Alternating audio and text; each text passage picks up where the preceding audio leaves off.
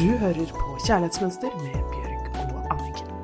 Hvis du vil vite mer om hvordan du kan skape det kjærlighetsforholdet du ønsker deg, så les boken Kjærlighetsmønster som Anniken har skrevet.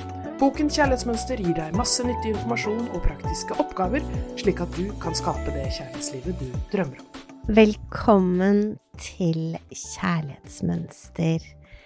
Vi sitter eh, her veldig klare, i hvert fall jeg er veldig klar, fordi at jeg hadde et sterkt ønske om at vi skulle snakke om hva som er grunnen til at det er så få som er villige til å betale det det koster å få det bedre med seg selv.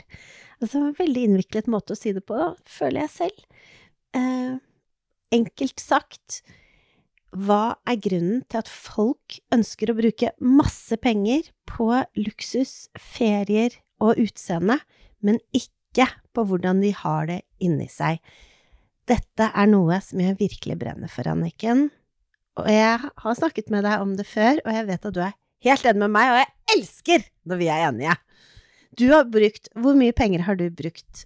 Det vet jeg ikke, men jeg brukte mange år og var veldig dedikert. Og jeg tenker mye av det viktigste vi kan gjøre, det er jo å ha et mål. Fordi at når vi setter oss inn i en bil og skal et sted, så plugger vi oss inn på navigasjonen. Og det må vi jo gjøre for å komme oss dit vi vil. Hva er din visjon for ditt kjærlighetsliv? Og da må man være klar over, når man har satt det målet, hvordan kommer jeg meg dit? Og hvilke forhindringer har jeg inni meg som gjør at jeg ikke er der ennå? Og Ja, hvordan kan jeg komme meg dit? Ja, og så må jeg bare si en ting. Det er helt umulig å komme seg noe som helst sted helt alene. Fordi at du trenger å ha en mentor, en coach, en veiviser.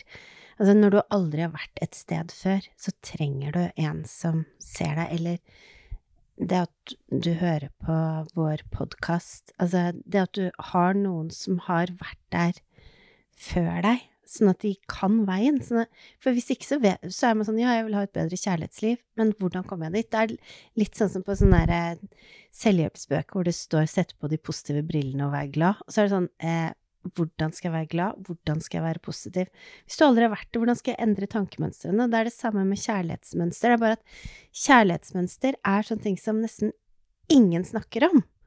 Det er jo et Altså, jeg håper at det er noe som folk kommer til å snakke mer og mer om, og det tror jeg. Og det, jeg merker allerede etter at vi starta denne podkasten, og at du ga ut den fantastiske boken din på Aschehoug, med samme navn Kjærlighetsmønster, så merker jeg at folk rundt meg begynner å snakke mer om kjærlighetsmønster. Men det er helt utrolig hvordan noe så komplekst og vanskelig blir snakket så lite om. Mm.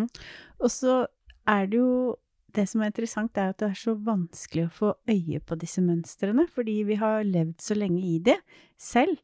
Og det er derfor det er viktig å få hjelp til å få noen til å belyse problemstillingen for deg, hjelpe deg til å se hva er det som er mine hindringer. For veldig ofte så føler vi at de hindringene ligger utenfor oss selv.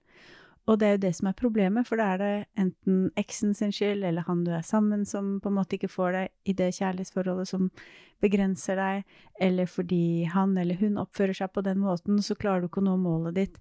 Men det er jo aldri der den egentlige problemstillingen ligger, for den egentlig ligger alltid dypt inni oss selv.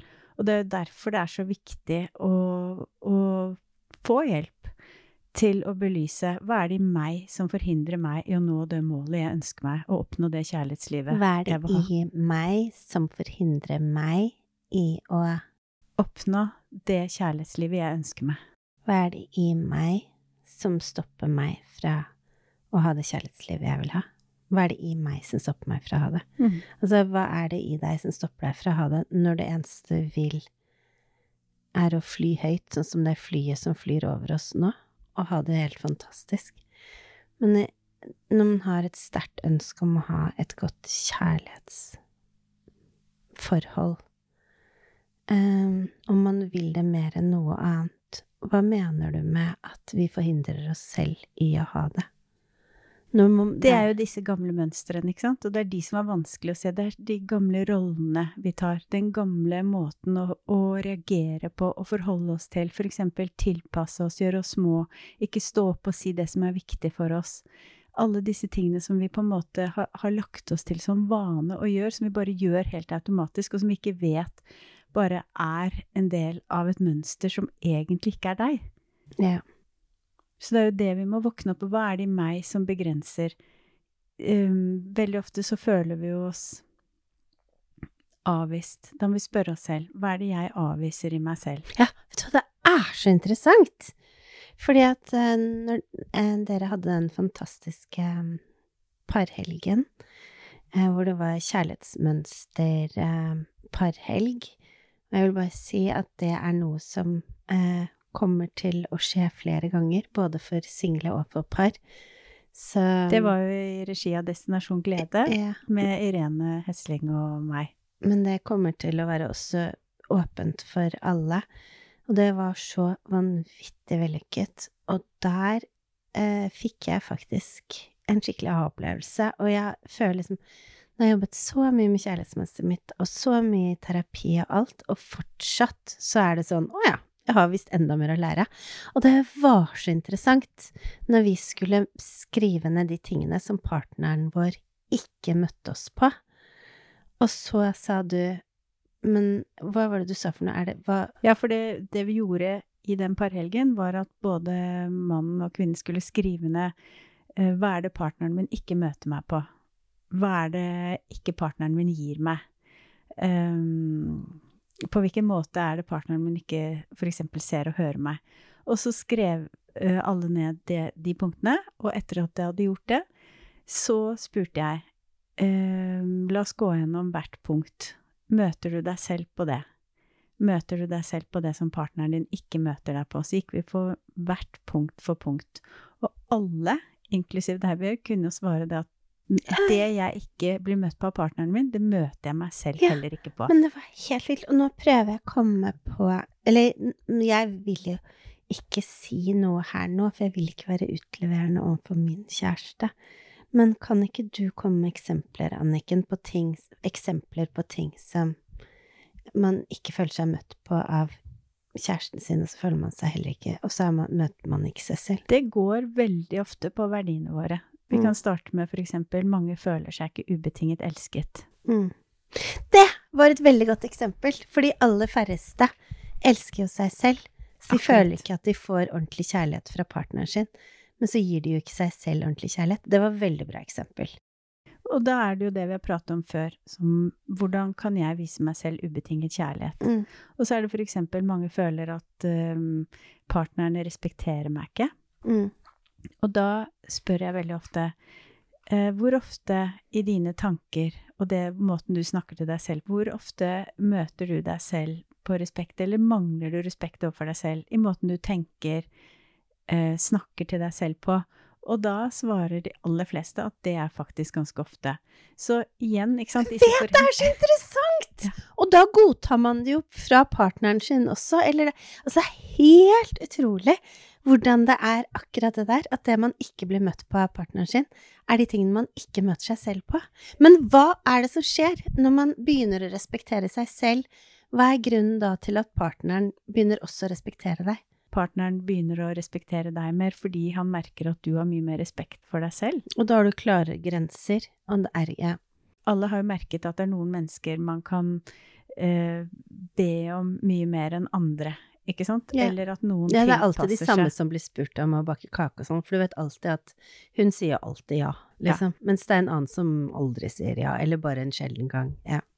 Sånn at det merker man veldig godt. Kan, kan jeg overskride hennes grenser eller hans, ikke sant? Man, helt uten å snakke om hva det egentlig er, så ligger det i en Men det er så interessant. Altså, jeg hadde så aha-opplevelse, for når du bare skriver ned de tingene som partneren vår ikke møtte oss på, tror jeg jeg skrev fem punkter, og så var jeg litt sånn fy fader, altså, møt meg ikke på dette her, og hva er dette her for noe, dette her må vi snakke om, og sånn. Og så sa du liksom, men møter du deg selv på de punktene? Gå gjennom punktene og se om du møter deg selv på de. Og da bare shit, jeg møter jo ikke meg selv på det. Jeg Og det er veldig interessant det at andre behandler deg på den måten du behandler deg selv på. Og derfor kan du aldri få det bra med noen helt til du har det godt med deg selv, og det å ha det godt med seg selv er jo bare å ha selvrespekt og egenkjærlighet og For når du har selvrespekt, så respekterer du de rundt deg. Når du har egenkjærlighet, så klarer du å elske de rundt deg ubetinget. Altså, og det at folk hele tiden skal drive og snakke om at det er så egoistisk å elske seg selv, så blir jeg sånn Tuller du med meg? Altså, det er egoistisk å ikke elske seg selv, for når du ikke ser din egen verdi og ser på deg selv som verdiløs, eller ikke elsker deg selv, så um, så skaper du jo så mye drama og problemer, fordi at du, da klarer du ikke å gi ubetinget kjærlighet, og du blir så mye støy. Og det er veldig interessant. Jeg hadde en eh, klient hvor hun følte at uh, hennes nærmeste familie ikke viste henne respekt. Og hun hadde tilpasset seg de i alle år og gjort seg liten, og følte at det var hennes rolle, og at det var snilt da, av henne. At hun, noen måtte jo på en måte tilpasse seg for at det skulle gå rundt. Og så tok vi diskusjonen da med Men hvem har fått det godt av det? Har du fått det godt av det? Nei, hun hadde ikke fått det godt av å gå rundt og gjøre seg liten, ikke si fra hva som er viktig for henne, ikke sette grenser og tilpasse.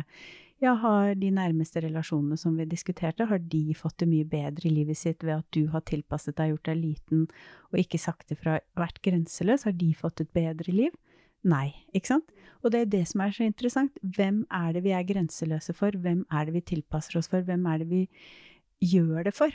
For når ingen i sannhet sitter igjen med og får det mye bedre av at noen er grenseløse eller tilpasser seg, for det er jo faktisk realiteten.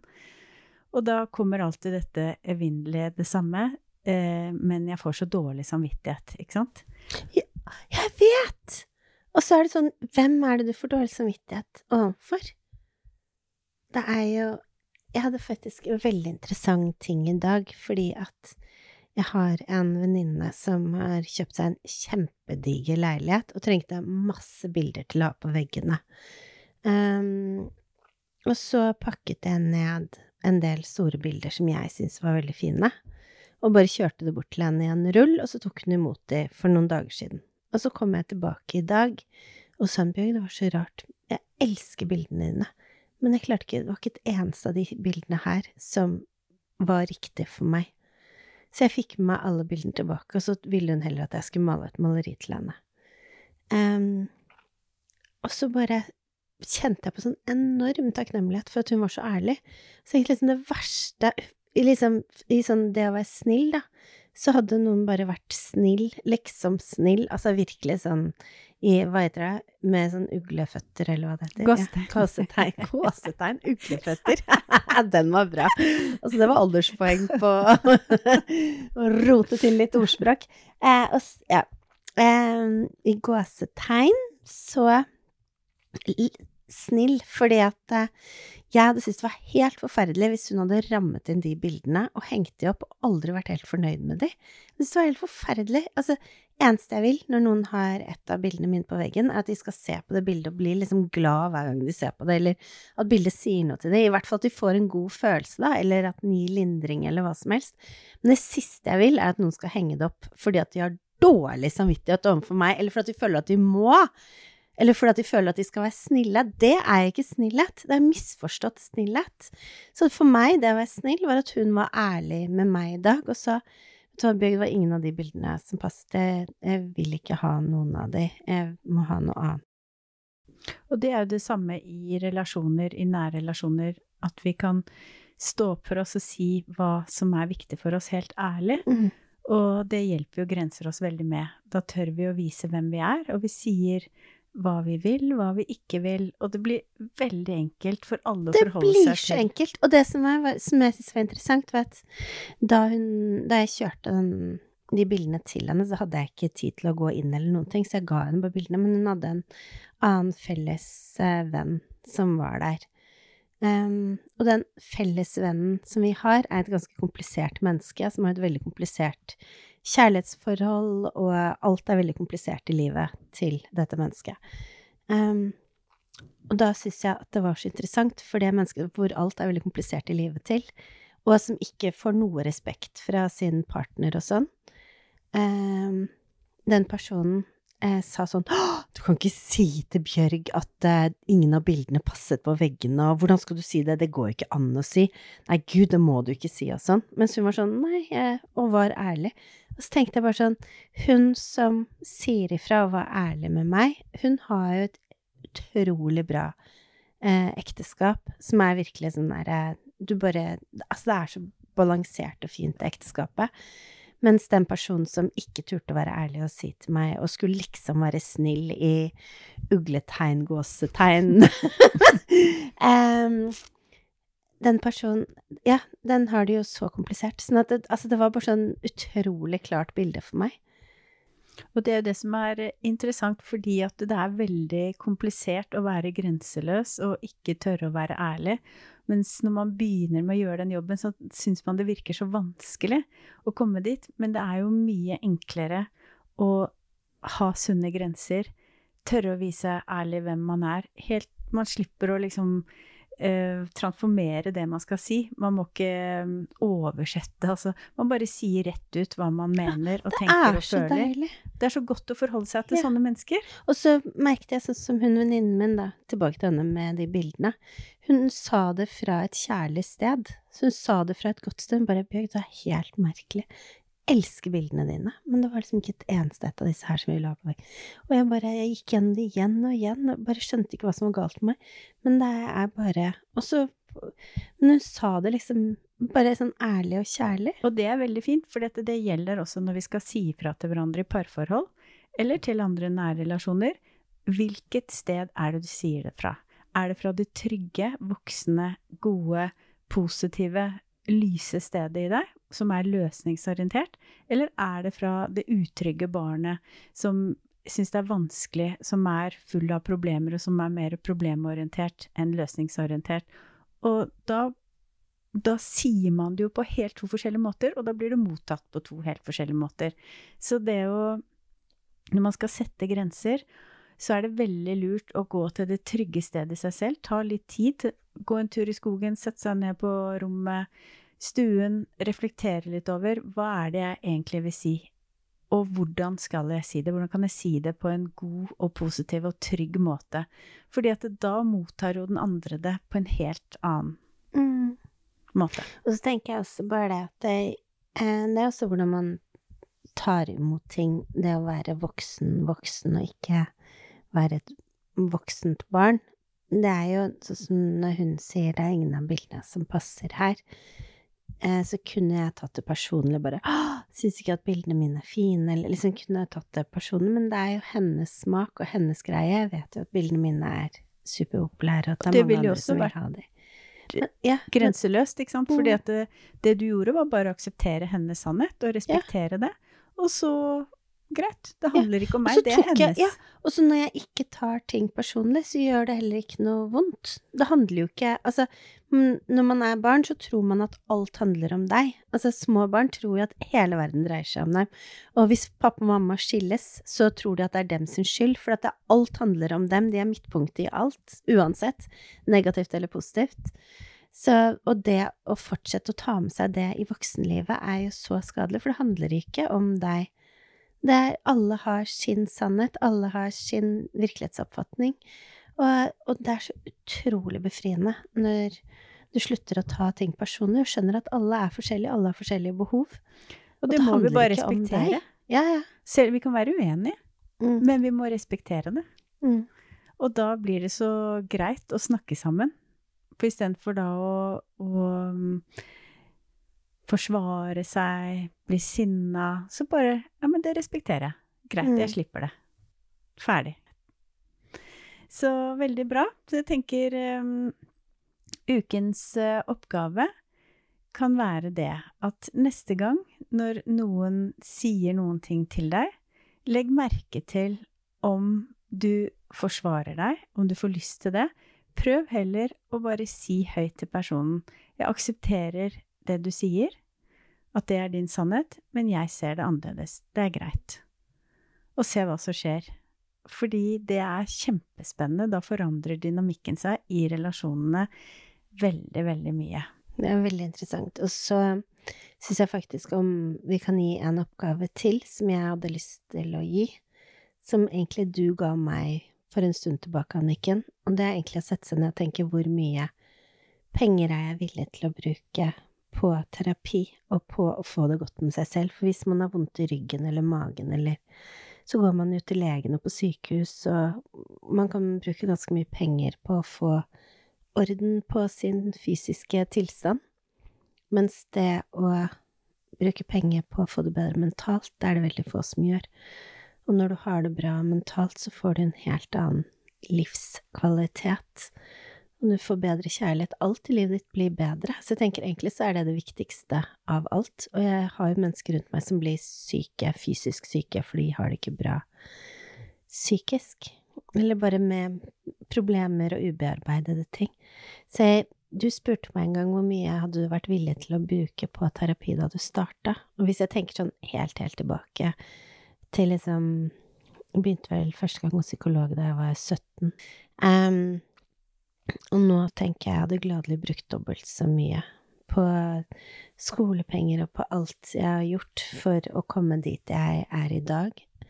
Altså, det er så forskjell på livskvaliteten min i dag kontra til før jeg begynte å jobbe med kjærlighetsmønsteret mitt, med mine barndomstraumer, alt, liksom. Så, og jeg, jeg tenker at alle mennesker har opplevd sine ting, og alle har behov for å rydde opp litt. I hvert fall alle jeg har møtt. Jeg har aldri møtt noen som ikke trenger det, i hvert fall. Det som er viktig, er jo kanskje ikke hvor mye jeg er villig til å betale, men hvor mye vil det koste meg hvis jeg ikke rydder opp i mine gamle mønstre, og ikke får det kjærlighetslivet jeg ønsker meg? Jeg vet i hvert fall bare at jeg ville veldig gjerne snakke om dette her i dag, fordi eh, at jeg var hos en venninne av meg som eh, hadde det, det vondt for n-te gang, og det er enda en gang hvor kjærligheten har tatt slutt, og hun har blitt behandla dårlig. Og så var jeg bare sånn, kan du være så snill å begynne å gå til Anniken hver dag, sånn som jeg gjorde? Og så da sa hun bare sånn, ja, Bjørg, jeg er enig, nå, nå, nå skal jeg ta tak i det. Men da, nå er hun helt på bunnen, liksom, for nå er hun, det hjertet hennes tåler jo ikke mer. Det stakkars hjertet hennes. Så, og så ser jeg det så tydelig. Det trenger bare å jobbes med og bearbeides. Hun trenger å forstå sin egen verdi og få på plass sine grenser og verdier. Men eh, så derfor hadde jeg så lyst til å bare få det frem. Bare, bare invester i deg selv.